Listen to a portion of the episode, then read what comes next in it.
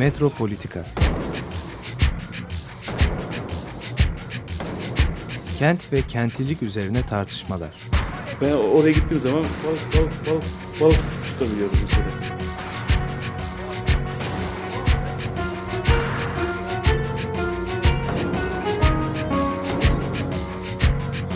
Hazırlayan ve sunanlar Aysim Türkmen ve Korhan Gümüş.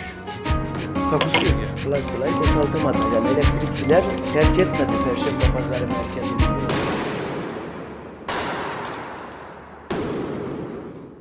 E, günaydın e, sevgili Açık Radyo dinleyicileri. Bugün e, yoğun bir gündemle gene karşı karşıyayız. Yaz e, falan diyoruz, tatil ama e, meseleler tatile girmedi. Siyasi konular, şehircilik konuları bunların hepsi e, alabildiğine sarsıcı bir şekilde e, gelişmekte. Ama İstanbul açısından herhalde çok önemli bir e, konu. Bu kamusal alanların, işlevini yitirmiş kamusal alanların dönüşümü dendiği zaman işte bugüne kadar hep gaz fabrikaları gündeme geldi, limanlar gündeme geldi, sanayi testleri geldi. Fakat bu sefer askeri alanlarla ilgili e, konu gündeme gelince iş biraz daha böyle genelleşti ve soyutlaştı. Yani kamusal alanlar meselesine birdenbire biz e, şey olarak giriverdik. Çünkü çok büyük bir arazi e, şu anda. E, askeri e, arazilerin e, yerel yönetimlere devredilmesi için adımlar atılıyor. Bu epey zamandır gündemde. E, gazetelerdeki açıklamalarda e, işte askeri alanların şehir içinde artık işlevinin kalmadığını, bunların şehir dışına nakledileceği söyleniyor. Aslında geçmişte hep sanayinin desantralizasyonunda konuşulduğu gibi bu sefer askeri alanların desantralizasyonu konuşuluyor. Ama bunların da öyle bir konumu var ki bazıları işte Maslak, Boğaz çevresi vesaire bazıları tamamen yoğun şehir dokusunun içinde olan yerler.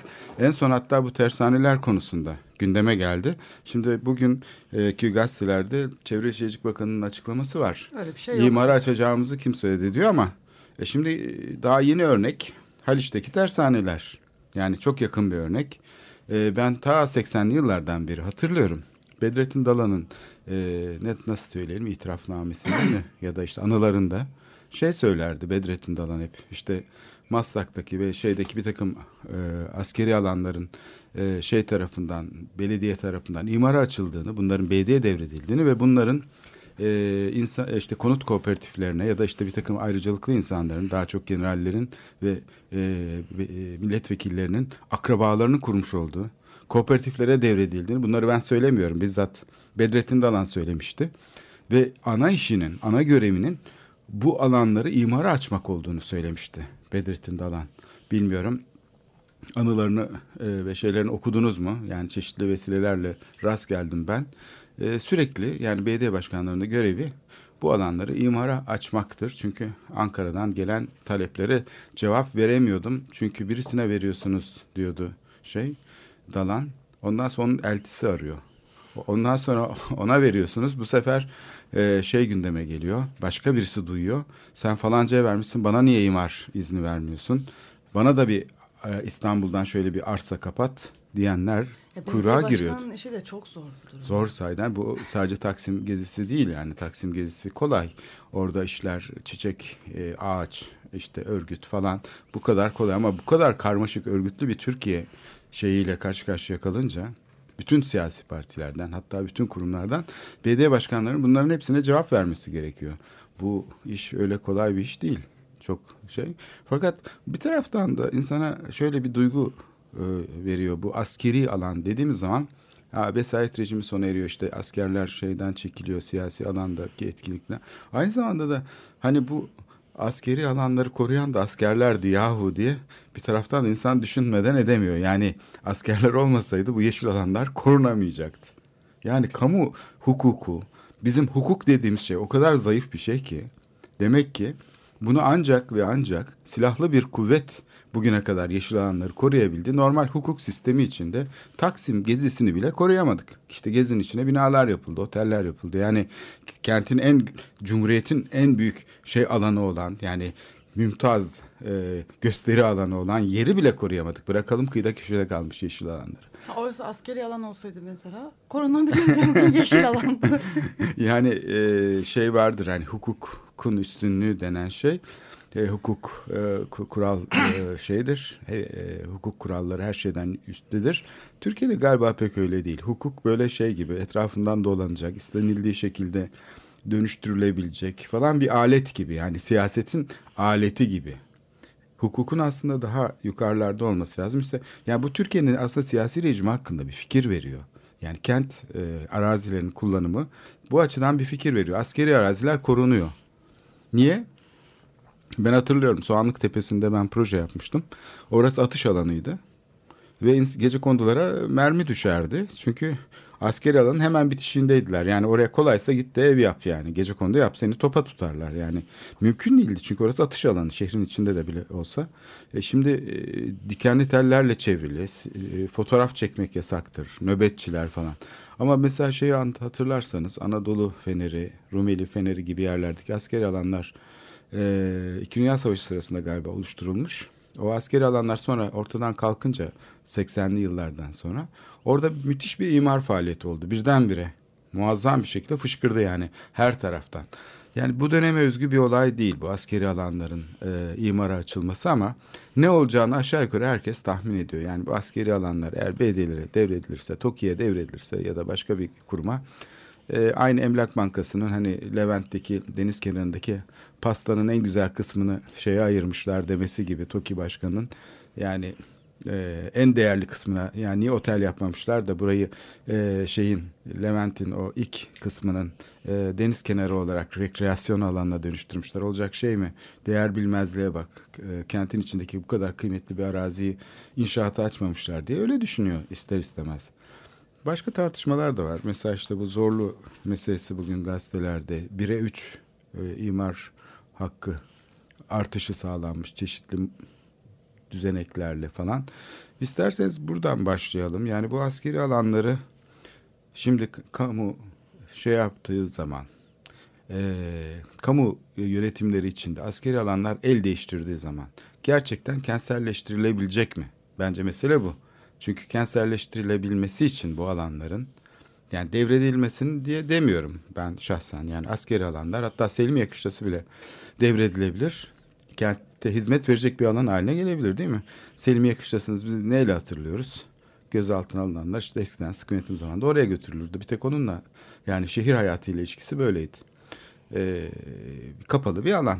Hani tabii ki kent için kullanılabilir. Ne güzel mesela işte Taşkışla askeri bir alanmış. Şimdi üniversite olarak yıllardır e, kentin hayatına katılmış. Yani daha iyi formüller de bulunabilir. Oraya buraya inşaat yapılacağına bir takım askeri yapılar pekala kent hizmeti için kullanılabilir. E, şehrin merkezinde kalmış olan askeri yapılar, kışlalar vesaire. E, burada nasıl bir şey e, gerekiyor? Yani kentselleştirilme meselesini e, acaba yani yerel yönetim hep kötüdür zaten. Kötü niyetlidir. Onlar alırlarsa hemen imar açarlar. TOKİ'yi zaten biliyoruz. Onun işi inşaat yapmaktır mı diyeceğiz yoksa ya bu nizam belki başka bir şey de olabilir. Yani böyle bir süreç var. Bu e, modernleşme sürecinin aslında bir kalıntısı. Askeri alanların bu şekilde büyük kışlalar, araziler şeklinde ya da atış alanları şeklinde şehir merkezine de yakın yerlerde de olmasına rağmen şehir genişleyince onlar içinde kaldılar. Ama bugünkü bu kamu fikrini nasıl ilişkisel bir kamu haline getirip yani birbiriyle ilişkili düşünmeye başlayabiliriz. Belki böyle başlamak lazım. Ee, Murat sen ne düşünüyorsun? Yani bunun bir şeyi var mı? Aslında örneği de var belki ama nereden e, başlaması lazım yani bu tartışmanın? Şimdi, şimdi bence e, bu senin açtığın konuya şöyle yaklaşmak daha doğru olur. Birincisi e, bu senin gündeme getirdiğin şehirdeki e, alanların kamusal alanların bir biçimde emlak piyasasına aktarılması e, süreci ile ilgili bu problem. Bu problemin Türkiye'de belki başka ülkelerden e, daha özgün tarafları var. E, bir tanesi Türkiye'yi bu bağlamda gelişmiş Batı ülkeleri, Amerika, Rusya yani kentleşme sürecini bizden daha önce tamamlamış ülkelerle kıyaslamak yerine BRIC ülkeleri dedikleri Brezilya, Rusya, e, Çin ve Hindistan. Yani birik. Birik artı küçük bir harfle T'yi de ekleyebiliriz. O da birikin küçük e, eklentisi Türkiye'si. Türkiye. Türkiye'si. Yani birik artı Türkiye. E, bu bizim ülkemizde bu kamu alanlarının e, kamu alanlarının şeyi e, e, şehir hayatına katılması meselesi herhalde İngiltere'de veya Fransa'da veya Danimarka'da olduğundan başka terimlerde e, gündeme geliyor. Niye? Çünkü dünyanın hemen hemen hiçbir yerinde Türkiye'deki kadar hızlı bir kentleşme e, yaşanmış değil. Bir kere 1950'lerin başında İstanbul'un nüfusu 1 milyonken şimdi olmuş 14 milyon. Hiçbir Avrupa kenti 60 yılda kendi nüfusunu 16 kat e, 16'ya katlamamış. Böyle olduğu zaman bizim kentimizde bu sürecin ortasında kalmış olan bir biçimde askeri koşullarda veya orman kanununa tabi olduğu için üzerinde kolaylıkla emlak piyasasına aktarılmamış arazilerin e, kent yapısı içerisindeki e, varlığı onları pastanın üzerindeki e, bizim e, metaforumuzu kullanırsak çileklere dönüştürüyor malum.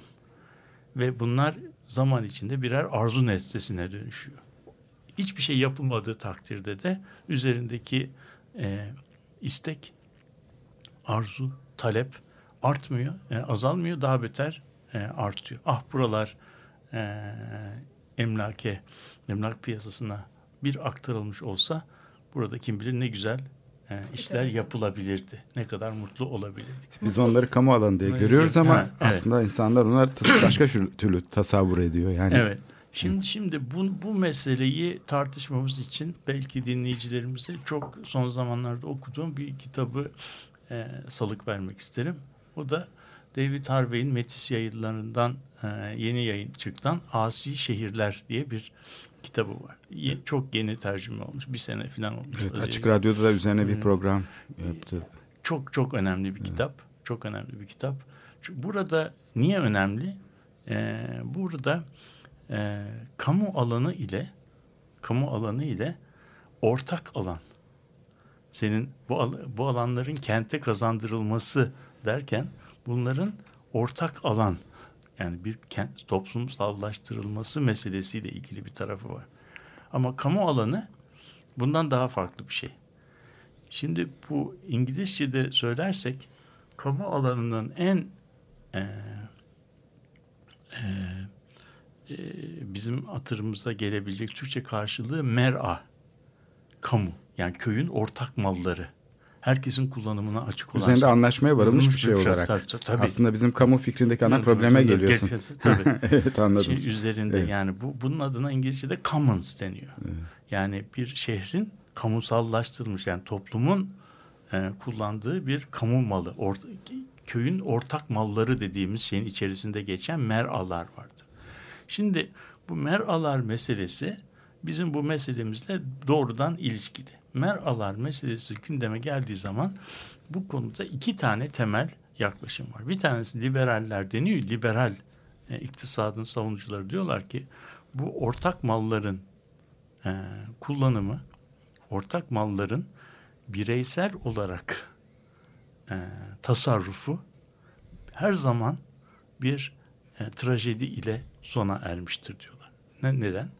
Çünkü bu meraları e, işte hayvan otlatmak için kullandığımız zaman e, hayvan sahipleri yani sürü sahipleri şöyle e, düşünürlermiş.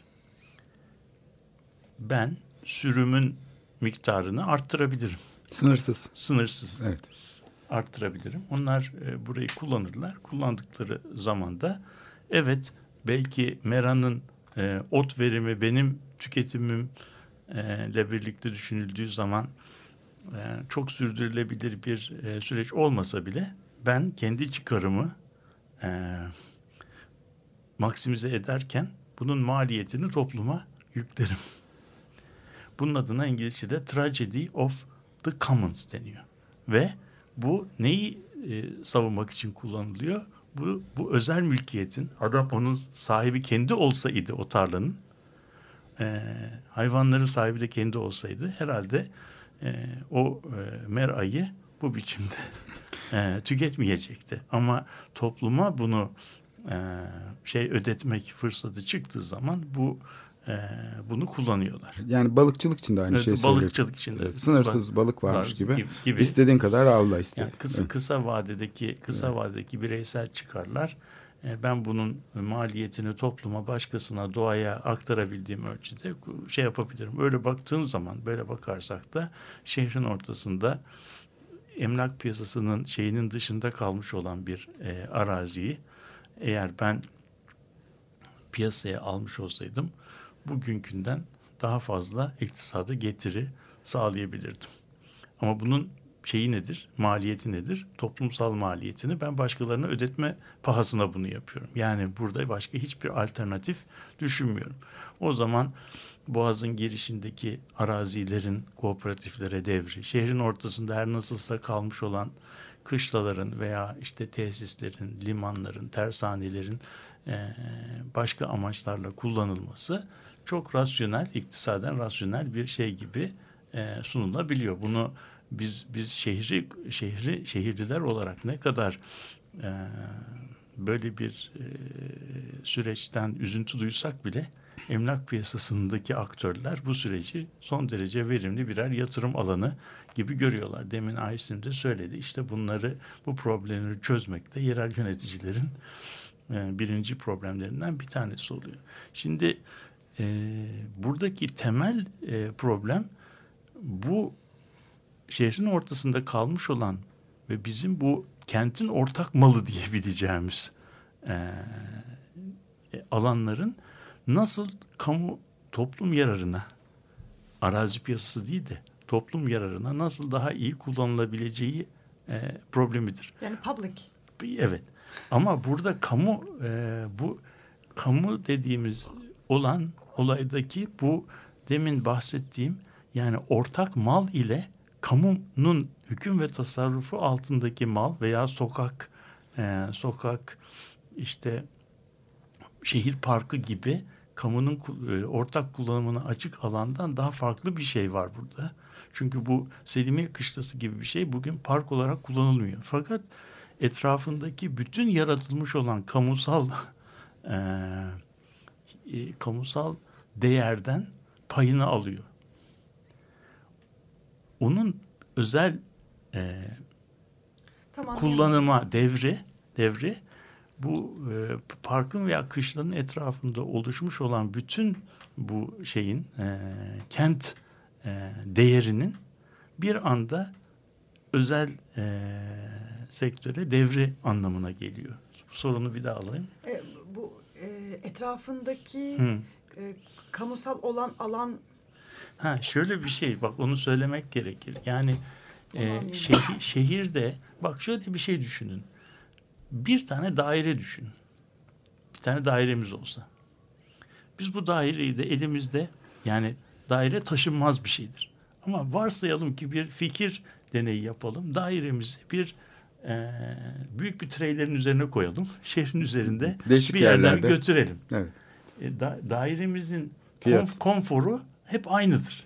Yani içinde İstanbul'un en e, lüks bir dairesini yapalım. Ama dairemizi şehrin üzerinde mümkün Maçka'ya olsa götürdük. Veya götürelim Sultanbeyli'ye Evet. götürelim veya Avcılar'a götürelim veya Altınşehir'e götürelim veya e, veya Gebze'ye götürelim. Anladın mı? Her bir noktada bu dairenin e, fiyatı değişecektir. Dairenin fiyatı demek ki fail fiyatının içerisinde bir daireyi imal etmek için kullandığımız mal ve hizmetlerin toplamı var.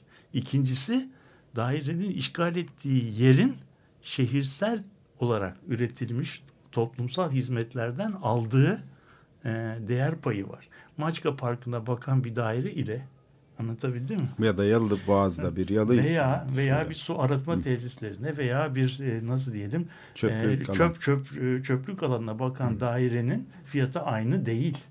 Bir daireyi ben e, sabahtan akşama kadar e, ambulans sesleriyle inleyen bir e, nasıl diyelim acil yardım hastanesinin önüne koyduğum zaman o dairenin satış fiyatı başka olur. o daireyi bir parka veya deniz manzaralı bir yere götürdüğümüz yani şehrin şehrin içerisindeki e, şey pozisyonlar bütün toplum tarafından üretilmiş olan değerden bir pay alıyorlar. Evet, bunu çok güzel. Bu yani e, şeyi çok iyi anlatıyor. Yani bu kamu mülkü olmaktan çıkıp özel mülke dönüştüğü anda Da- zaten e, Bu- şeyi bunu- e, bunu- pi- pişmiş börek e, yani böyle artık lezzetiyle, bütün şeyle, kokusuyla etrafa e, Evet, yemek e, karnı aç bir insana böyle karşısına konmuş gibi duruyor. Evet. Bunların hepsi. Yani bu- Senin burada- çilek metaforuna ben de başka Evet, bir e, evet, metaforla yani bu cevap çünkü, vereyim. o Anadolu'da dadından yinmiyor dedikleri şey haline oluyor. Çünkü Hazır pişmiş duruyor orada böyle şehrin mis gibi. ortasında, şehrin İstanbul'un hangi yöntemle ne nasıl yaparsanız yapın İstanbul'un merkezini hesaplamaya kalktığınız zaman bu Eminönü civarlarında bir yer olarak çıkıyor. Metropolü ne yaparsanız yapın. E, bunun merkezi bir yeri olarak yeni kapıyı veya tersanelerin olduğu yeri koyduğumuz zaman tersane bütün metropoliten alana en kolay erişebilecek ve metropolün bütün imkanlarına, bütün olanaklarına, bütün toplumsal olarak yatırılmış, yaratılmış değerine en kolay erişilebilen bir nokta haline geliyor. Evet, şimdi Marmaray'da yapıldıktan sonra, sonra, üstelik evet. E5 ile Marmaray arasındaki Evet. Şimdi böyle kaymak oldu- yerde duruyor tabii. Evet, böyle böyle olduğu zaman böyle bir yerdeki e, bir askeri alanın veya bir kamunun e, bir, askeri alan da demeyelim. Herhangi bir gerekçe ile arazi piyasasının hüküm ve tasarrufu altına girmemiş alan diye. Bu orman olabilir, e, bir park olabilir. Gezi Parkı'nda olduğumuz gibi. Böyle bir yerin e, böyle bir yerin üzeri e, arazi e, taşınmazlar piyasası itibariyle düşürdüğümüz zaman getirebileceği gelir ile bugünkü sıfır e, getirisi arasında müthiş bir makas var. İşte bu makas nedeniyle bizim şeyimiz, e, bizim idarelerimiz e, sadece Türkiye'de değil, Çin'de de, Rusya'da da, Hindistan'da da bu tür yerler, e, bu tür ülkelerde inanılmaz bir e, cazibeye sahip oluyor. Ve bu cazibe ki bunun e, bu cazibede uluslararası taşınmazlar e, piyasasını bu alanlara çekiyor. Bu işte neoliberal dediğimiz kent yönetiminin en e, belirgin e, şeylerinden mekanizmalarından bir tanesi. Bu süreç nerede başladı? Bu süreç Londra'da Thatcher zamanında o Canary Wharf dedikleri e, Londra'nın eski liman e, bölgesinin e, yeniden e, üst gelir e, grubuna hitap eden rezidans ve büro mekanı olarak kente yeni bir merkez alanı olarak kazandırma projesiyle başladı. Ama Londra kentinin ondan sonra buna benzer talebi çok fazla olmadı. Bu talebin belki yüz katını, bin katını Çin'de, e, Hindistan'da, Brezilya'da ki büyük şehirlerde görüyoruz ki İstanbul'da kendi ölçeğiyle bu şeye, bu e, nasıl diyelim sürece katılıyor. Şimdi bu kamu hizmetlerini yerine getirirken yani modernleşme sürecinde kentte birçok e, gelişme yaşanıyor. Yani bir tür hizmet e, şeyleri oluşuyor. İşte toplu taşımacılıkla ilgili olan, enerjiyle ilgili olan e, işte belki buna benzer birçok alan aslında 19. yüzyılda kentin içinde e, yer almaya başlıyor. Mezbahalar, atık su arıtma tesisleri vesaire. Fakat bunların işlevi son derece belli, son derece net. Bugün böyle bir netlik yok. Yani özelleştirildiği anda zaten iş geç, işten geçmiş oluyor. Yani fikir e, piyasa aktörüne bırakılmış oluyor. Yani müzakere alanı son derece daralıyor. Mesela diyelim tersaneleri hemen e, özelleştirmekle başladık ya da antrepoları kamu davranışı ilk önce özelleştirmeyle başlıyor. Sonra ondan sonra da e, planı onaylıyor ya da işte yapılan proje belli bir çerçeve içinde gerçekleşiyor ama ortada tam net bir kullanım şeyi de yok. Zaten özel sektörün tercih edilmesi de bunu gösteriyor ki hani başka bir işlev yok kamu adına sadece burayı değerlendirmek ve Ankara'nın yani merkezi bütçeye kaynak aktarmanın dışında başka bir e, gerekçesi de yok. Aslında bu bir şekilde merkezi yönetimin kaynakları ele geçirmesine de yol açıyor. Yani kent ölçeğindeki bütün yatırımların, şeylerin aslında e, getirisini merkezi yönetim kontrol ediyor. Aslında Havaalanı. bak, aslında bu model biraz seninki söylediğinden biraz daha farklı bir dönem. Çünkü modernite döneminde, modernite döneminde e, bu tür alanlar hakkında, şehir hakkındaki kamunun e, tasarrufu pasif. Şöyle bir şey, kamu bu alanların topluma en yararlı bir biçimde nasıl kullanılacağına karar veriyor. Bunu planına işliyor ve ondan sonra oturup bekliyor. Ee, ondan bir talip çıktığı zaman da o talibe diyor ki bak bu alanı kullanabilirsin şu koşullarda. İmtiyaz Evet, veriyor. im- imtiyaz. İmtiyaz. Yani sen, bu- sen belirliyor tamam mı? Bu durumda kamu e, talep olduğu zaman o alanları tahsis ediyor. Şimdi şu ama bu noktada kamunun e, rolü oldukça pasif.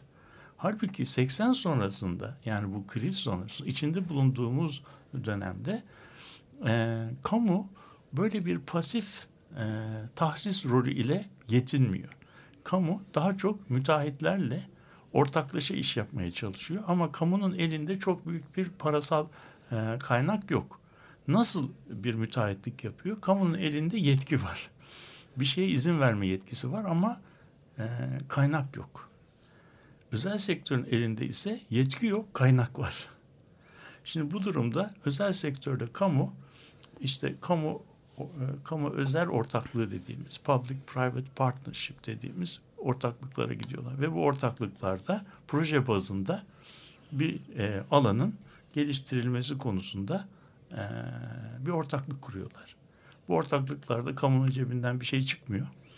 Parayı da getiren e, şey oluyor. E, Özel sektör. özel sektör. Ama kamu da buna izin vermek suretiyle şehrin e, ekonomisine ve ekonominin genel işleyişine belirli bir e, nasıl diyelim ivme kazandırmış oluyor. Merkez Öyle yönetimin ama burada payı çok güçlü. Tabii. İşte Yani bu, ve bunu Bu- burada bunu tabii, tabii. yerel yönetime bırakmıyor yani. Tabii yani mesela bunun bunun hayatı burada burada burada yerel yönetim yerel yönetim biraz e, eski modelde düşünürsek modernite döneminin tahsis aracı. Şimdiki durumda aktörler ve projelerin boyutları yerel yönetime bırakılamayacak kadar büyük. Yani üçüncü havalimanı falan gibi. Şimdi e, bu noktada isterseniz e, konuşmamıza ara verelim ve e, Jacques Brel'den O Suivant isimli şarkıyı dinleyelim. Bu e, antimilitarist bir şarkı.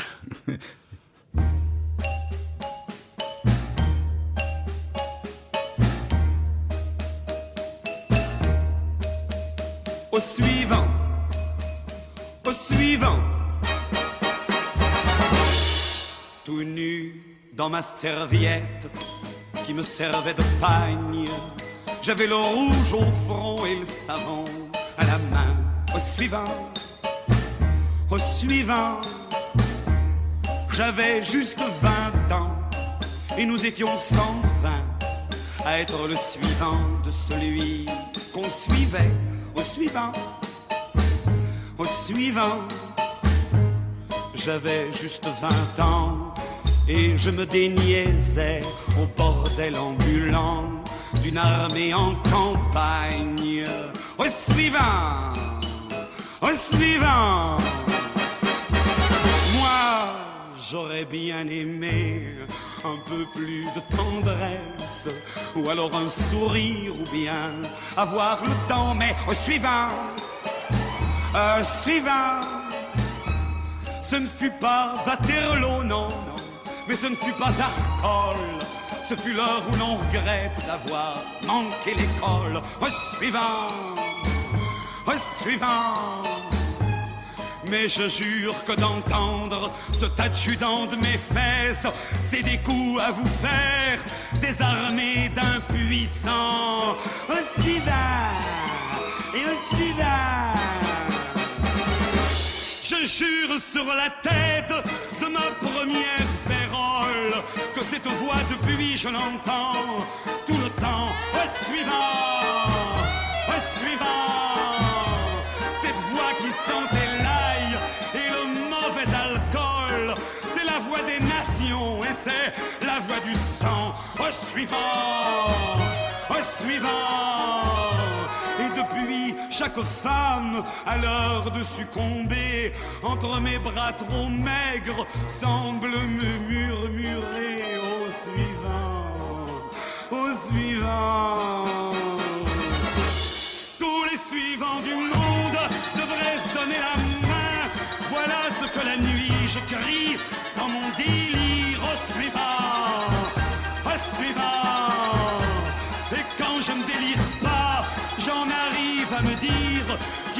Humiliant d'être suivi que suivant, au suivant, au suivant. Un jour, je ne serai qu'une chatte, ou bonne sœur, ou pendu, enfin de ces machins, où je ne serai jamais plus le suivant, le suivant.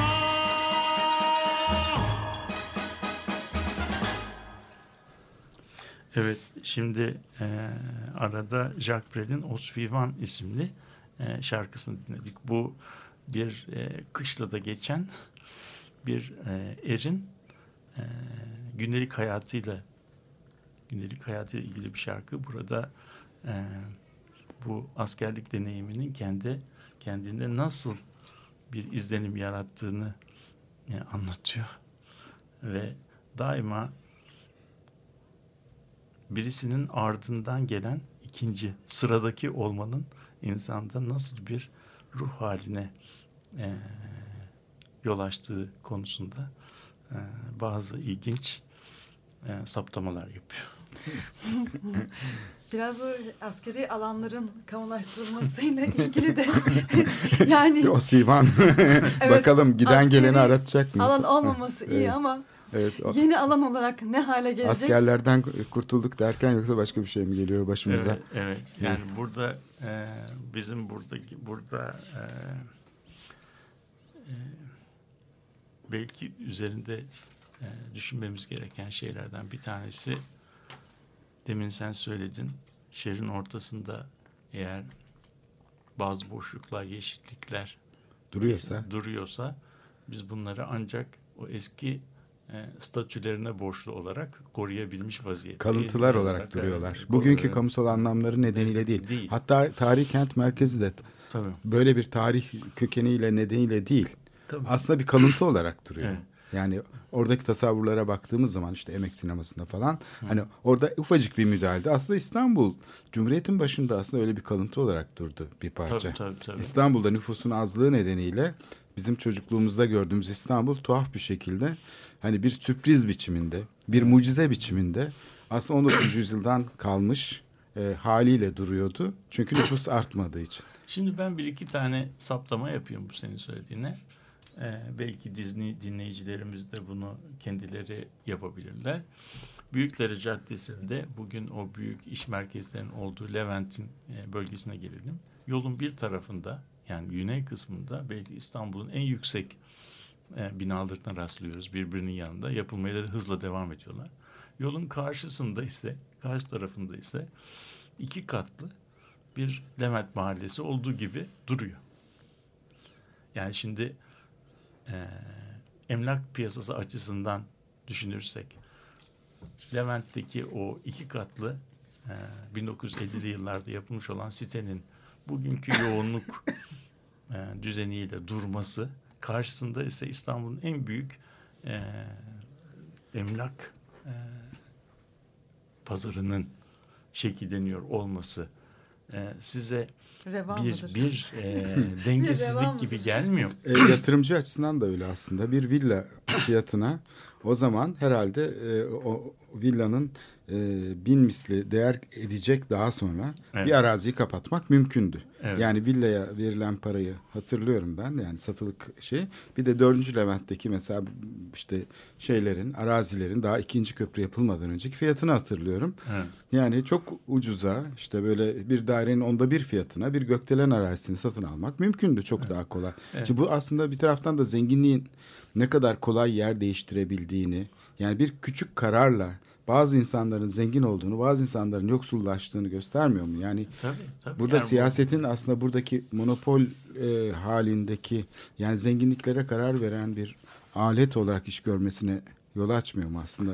Bu çok Evet. temel bir hukuki problem çünkü Türkiye'de. Tabii yani burada buradaki burası orası e, o bölge bugün her gün geçtikçe e, üzerindeki e, toplumsal olarak yaratılmış değerden pay alma kapasitesi artıyor. Bugünkü bugün oranın getirdiği e, Levent'in getirdiği kira ile gökdelenlere dönüşüldüğü takdirde getirilebil getirebileceği kira arasındaki makas giderek artıyor ve bu makas arttığı zaman bu orada bir arzu nesnesine bir şeye dönüyor.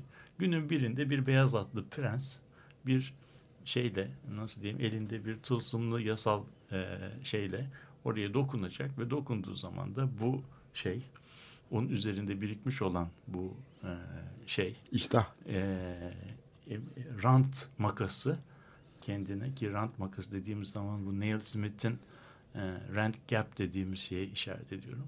Kendini inşaat olarak e, ifade edecek. O zaman da o yolun güneyinde gördüğümüz binaların benzerlerini e, kuzeyde de görmeye başlayacağız. Çünkü bu ikisinin arasındaki e, şey yoğunluk farkını e, kontrol et, e, imar nizamlarıyla, yasaklarla veya düzenlemelerle, yönetmeliklerle e, düzenleme imkanı giderek e, kalmıyor. Yani orası orası büyük bir şeye dönüşebilir. Yani şehirdeki e, senin söylediğin bu tabii e, burada yaratılan büyük bir değer var. Bu değerleri bu değerlerde birisi tarafından e, nasıl diyelim temellük ediliyor. Birisinin özel mülkiyetine geçmiş oluyor. Ama bu değer aslında o adamın yarattığı bir değer değil. O bu toplumun şehri kuran bütün insanların, erkeklerin, kadınların yapılan bütün yatırımların o bölgeye e, verdiği değeri e, adam e, özel mülkiyetine geçirmiş oluyor. İşte bu e, bunun e, yüzde yüz olarak bir insana bırakılıp bırakılmayacağı konusunda e, tartışmak gerekiyor. Ya İngiliz- da nasıl bir kamusal Evet. işleyiş olacak? Yani bu karar Tabii, verilirken Acaba, acaba, bu, e, bu hakkani, hakkaniyetli bir ka- karar mıdır? Biz bunu bırakalım, onu olduğu gibi şeye geçirelim. Özel mülkiyet alsın. Mesela gök kafes örneği çok tipik Evet. bir örnek. Evet. Arazi yeşil alanken e, değeri çok düşük. Yani bir daire kadar e, değeri var. Oraya 134 metre inşaat yapıldığı anda e, kaç bin misli yani bin misli falan değeri artıyor. Ya da işte bu e, Meşiktaş'taki Ihlamur Vadisi. Orası imara kapalıyken senelerce imara kapalıydı. E, çiçek ancak çiçek yetiştirilebiliyordu yani o bölge çünkü Ihlamur Vadisi bir su havzasıdır. E, Ihlamur Kasrı'nın önünden de geçen ve orada işte e, ki o büyük arazi yıllarca imara kapalıydı. Bir anda imara açıldı ve Nişantaşı'nın tam e, bitişiğindeki olan arazinin e, ka- kazandırdığı rantı düşünelim. Şimdi burada çok temel bir soru var. Biz bu konuları bugüne kadar bildiğimiz imar planı yapma yöntemiyle çözmeye çalıştık. Yani akıl ve bilim ışığında. Yani burada uzmanlar oturuyorlardı. Şehre şöyle bir bakıyorlardı. Ihlamur Vadisi su toplama havzası bir şeyin derenin e, şey vadisi zaten buraya inşaat da yapılamaz. Zaten kamu alanıydı bir büyük bir bölümü de. Şeye bakıyorlar. e, diyelim ki bu sözünü ettiğimiz işte Levent bölgesi falan buralarda bahçeli evler var. Çok güzel yeşil alan vesaire olsun. Şimdi bu kararlar böyle veriliyordu. Yani kamu yararı dediğimiz şey aslında akıl ve bilim ışığında e, tarif edilebilecek bir şeydi. Oysa ki görüyoruz ki farklı çıkar grupları var. Farklı talepler var. Ve burada özel sektörün, sermayenin ve gücü olanların e, siyaseti etkileme kapasitesi çok daha fazla. O zaman bu bizim bilim dediğimiz şey bir tür e, şey olmuyor mu? Kağıttan bir e, şey. Ya zaten kağıt üstünde yapılıyor bütün planlar ya. Onun için kağıt olarak da hiçbir geçerli olmayan bir e, pseudo e, tatmin olmuyor mu? Yani Şimdi bir bunu evet anladım problemi. Burada buna şöyle diyelim. Ben benim cevabım şu. Ee, şehir şehir araştırmalı, kent bilim diyebileceğimiz şey. Şehirle ilgili olarak bilim veya bu planlamaya ışık, ışık tuttuğunu düşündüğümüz planlama uygulamalarına e, yol gösteren yaklaşım e, 1902. harpten sonra İngiltere'de şekillenmiş bir e, yaklaşımdır. Arkasında çok ilginç bir e, siyasi koalisyona dayanır ve çok belirgin bir bağlamda kamuya güvenin yüzde yüz olduğu e, bir dönemde İngiltere'de muhalefetle iktidar arasında geçmişte hiç olmamış bir ittifakın gerçekleştiği bir dönemde şekillenmiş bir e, planlama yaklaşımıdır. Bu nedir? Pre- devletin o durumdaki kamunun prestiji nereden gelmektedir? İngiltere kendisinden çok güçlü olan Almanya'ya karşı büyük bir dünya savaşını kazanmıştır. Bu savaşı kazanırken de bilimin ışığından yararlanmıştır. Yani orada bilimin bu savaşın kazanılmasında radarları, konvoyları, Operation Research'ün getirdiği şeyleri düşünün. Ve devlet bunları kullanarak e, İngiltere'yi İngiltere'yi muzaffer kılmıştır. Burada e, savaşın ardından e, muhalefet ve iktidar arasında geçmişte hiç olmamış bir e, ittifak ve bilimin nasıl diyelim insanları kurtuluşa götüreceğine dair bir inanç vardı. Şimdi burada burada gelişmiş olan e, bir şehir e, planlama yaklaşımına yaklaşımına biz akılcı kapsamlı planlama diyoruz. Rasyonel comprehensive planning. Şumullü planlama denir. Şimdi biz bu planlamayı içinde gerçekleştiği toplumsal, siyasi, iktisadi bağlama bakmadan buna tamamen yabancı bir ortama hiçbir e, eleştiri süzgecinden geçirmeden bilim bunu e, gerektiriyor diye taşır, taşıdığımızda tamamen farklı bir kentleşme bağlamına, tamamen farklı bir siyasi ortama, bu ortama tamamen yabancı bir uygulamayı taşımış oluyoruz.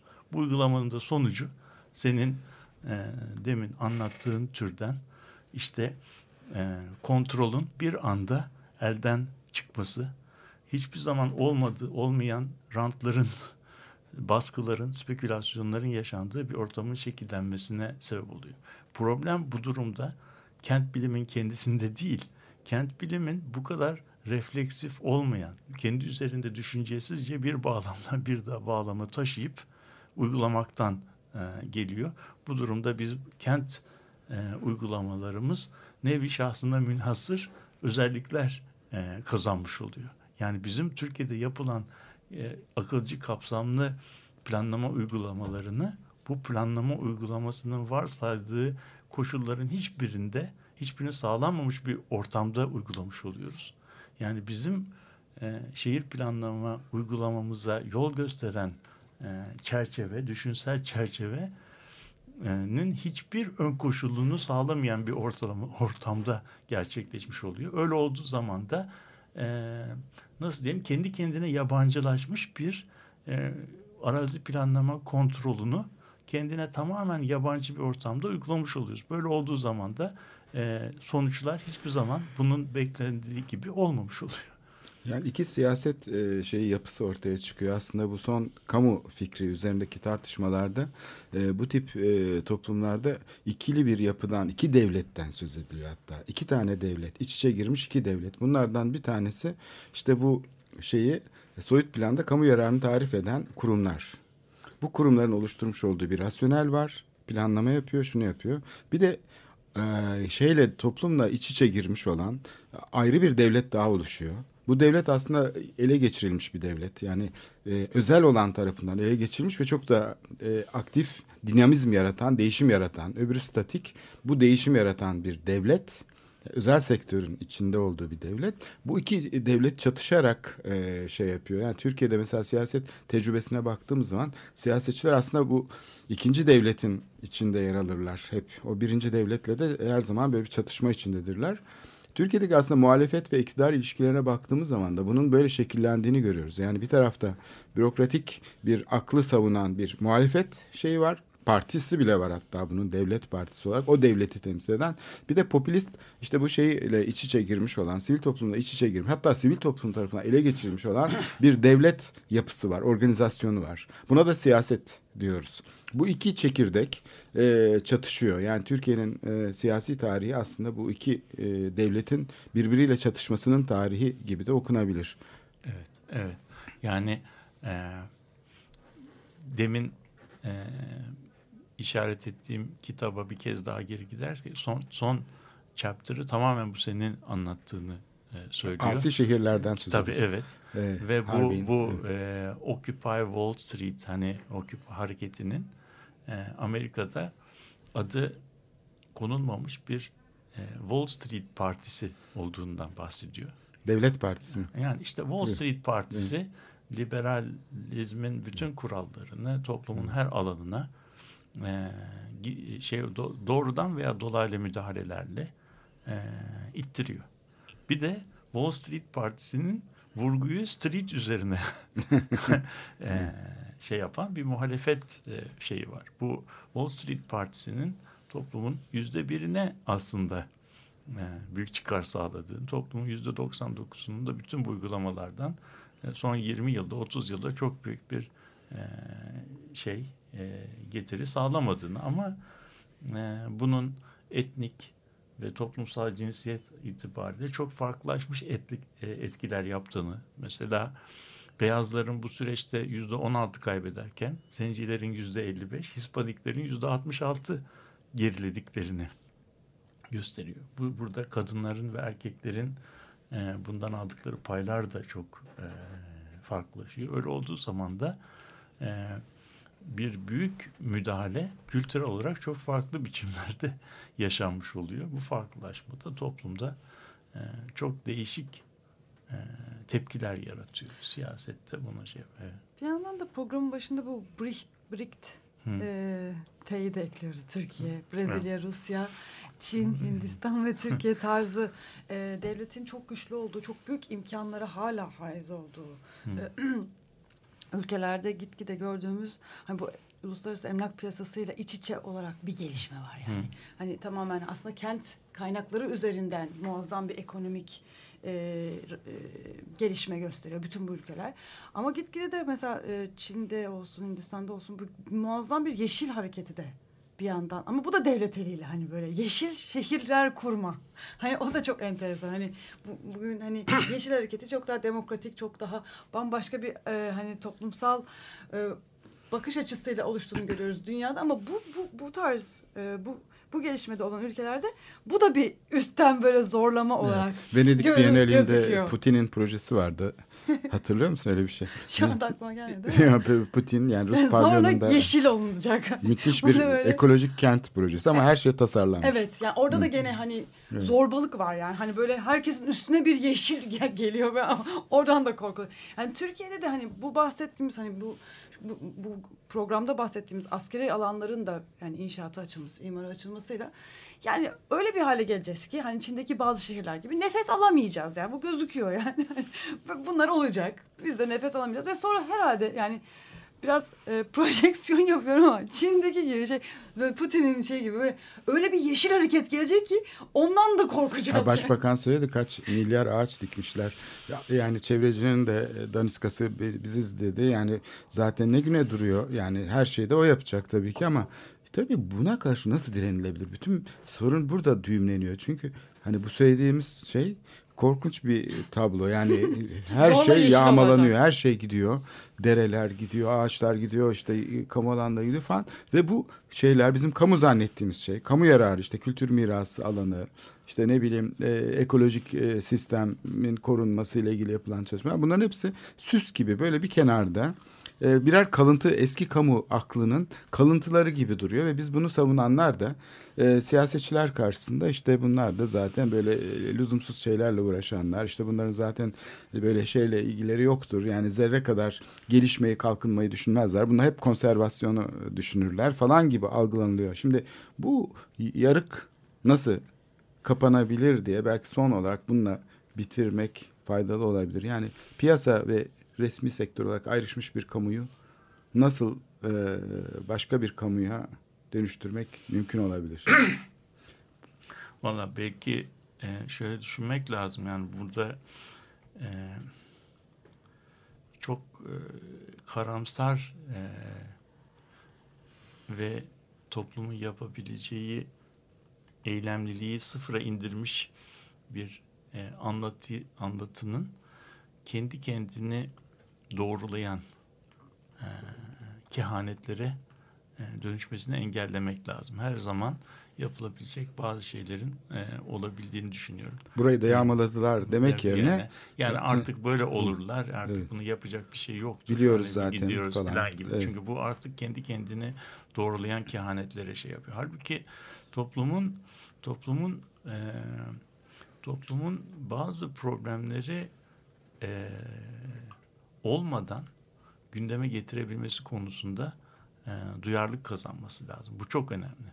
Biz bugün hep e, pasif e, pasifteyiz. Yani Etkilerine bir- maruz kalmış. Yani durumda. bizim gündemimiz hep başkaları tarafından tar şey yapılıyor. Biz mesela e, acaba e, tersaneler bölgesinde neler yapabiliriz e, problemini orası başka kullanımlara tahsis edilmeden tartışmaya açmıyoruz. Evet. Ne zaman ki E, e, şey ne oldu. zaman e, biz öyle o açıldı şimdi o zaman benim benim düşündüğüm e, benim düşündüğüm toplumda yani toplumun kendi kendine e, şey yapması e, kendi kendine kendi ke- üzerinde düşünebilmesi nasıl bir şehirde yaşa, yaşıyor olduğu meselesini gündemine getirmesi e, meselesidir. Bu e, siyaset yapma biçimini ve siyasetin aktörlerinin yeniden düşünülmesi e, problemini beraber getiriyor. Ve bu noktada mesela geleneksel solun, geleneksel sol hareketin, geleneksel sol örgütlerin, kitle örgütlerinin e, yetersiz kaldığı ve kentlilerin tamamının aktör haline getirildiği yeni e, yeni e, tartışma platformlarına ihtiyaç olduğu e, tartışılıyor. Eğer bu platformlar kurulabilirse o zaman gündemin kendisine proaktif e, müdahale etmek mümkün olabilecek. Bazı değerleri, bazı ahlakı, bazı kırmızı çizgileri önceden çizmek e, mümkün olabilecektir. Evet, bu nokta önemli saydan. Yani itiraz etme konumunda kalmadan aslında kurgulama aşamasındayken meseleleri farklı açılardan tartışabilmek. Muhalefetin de bu açıdan yani e, ya da sol hareketin aslında sadece e, şey yapan, e, itiraz eden ya da işte karşı tarafın niyeti üzerinden konuşan değil, aslında siyasi alanı genişleten bir işlev görmesi belki gerekiyor. Ve yani e, mesela iktidarın da hani nasıl hareket ettiğini dünyasal koşulların içinde de değerlendirmek. Yani uluslararası emlak e, piyasası, yeni neoliberal devlet hani bunların içinde de konumlandırmak da çok önemli. Bunu da Evet, ne oluyor, ne bitiyor lazım. anlamak için Evet. bu sayeden gerekli. Ağlamayalım. Ağlamayalım. evet, programın sonuna geldik. Evet. Evet, çok İyi teşekkür haftalar ederim. diliyoruz. Çok teşekkürler.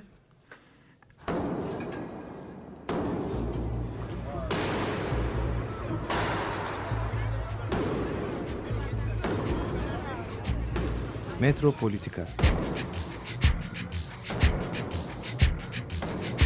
Kent ve kentlilik üzerine tartışmalar. Ben oraya gittiğim zaman balık balık balık balık tutabiliyorum mesela.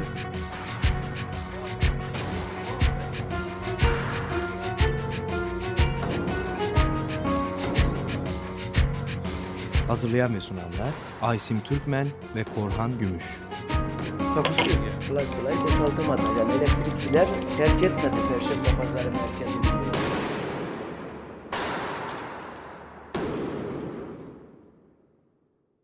Açık Radyo program destekçisi olun. Bir veya daha fazla programa destek olmak için 212 alan koduyla 343 41 41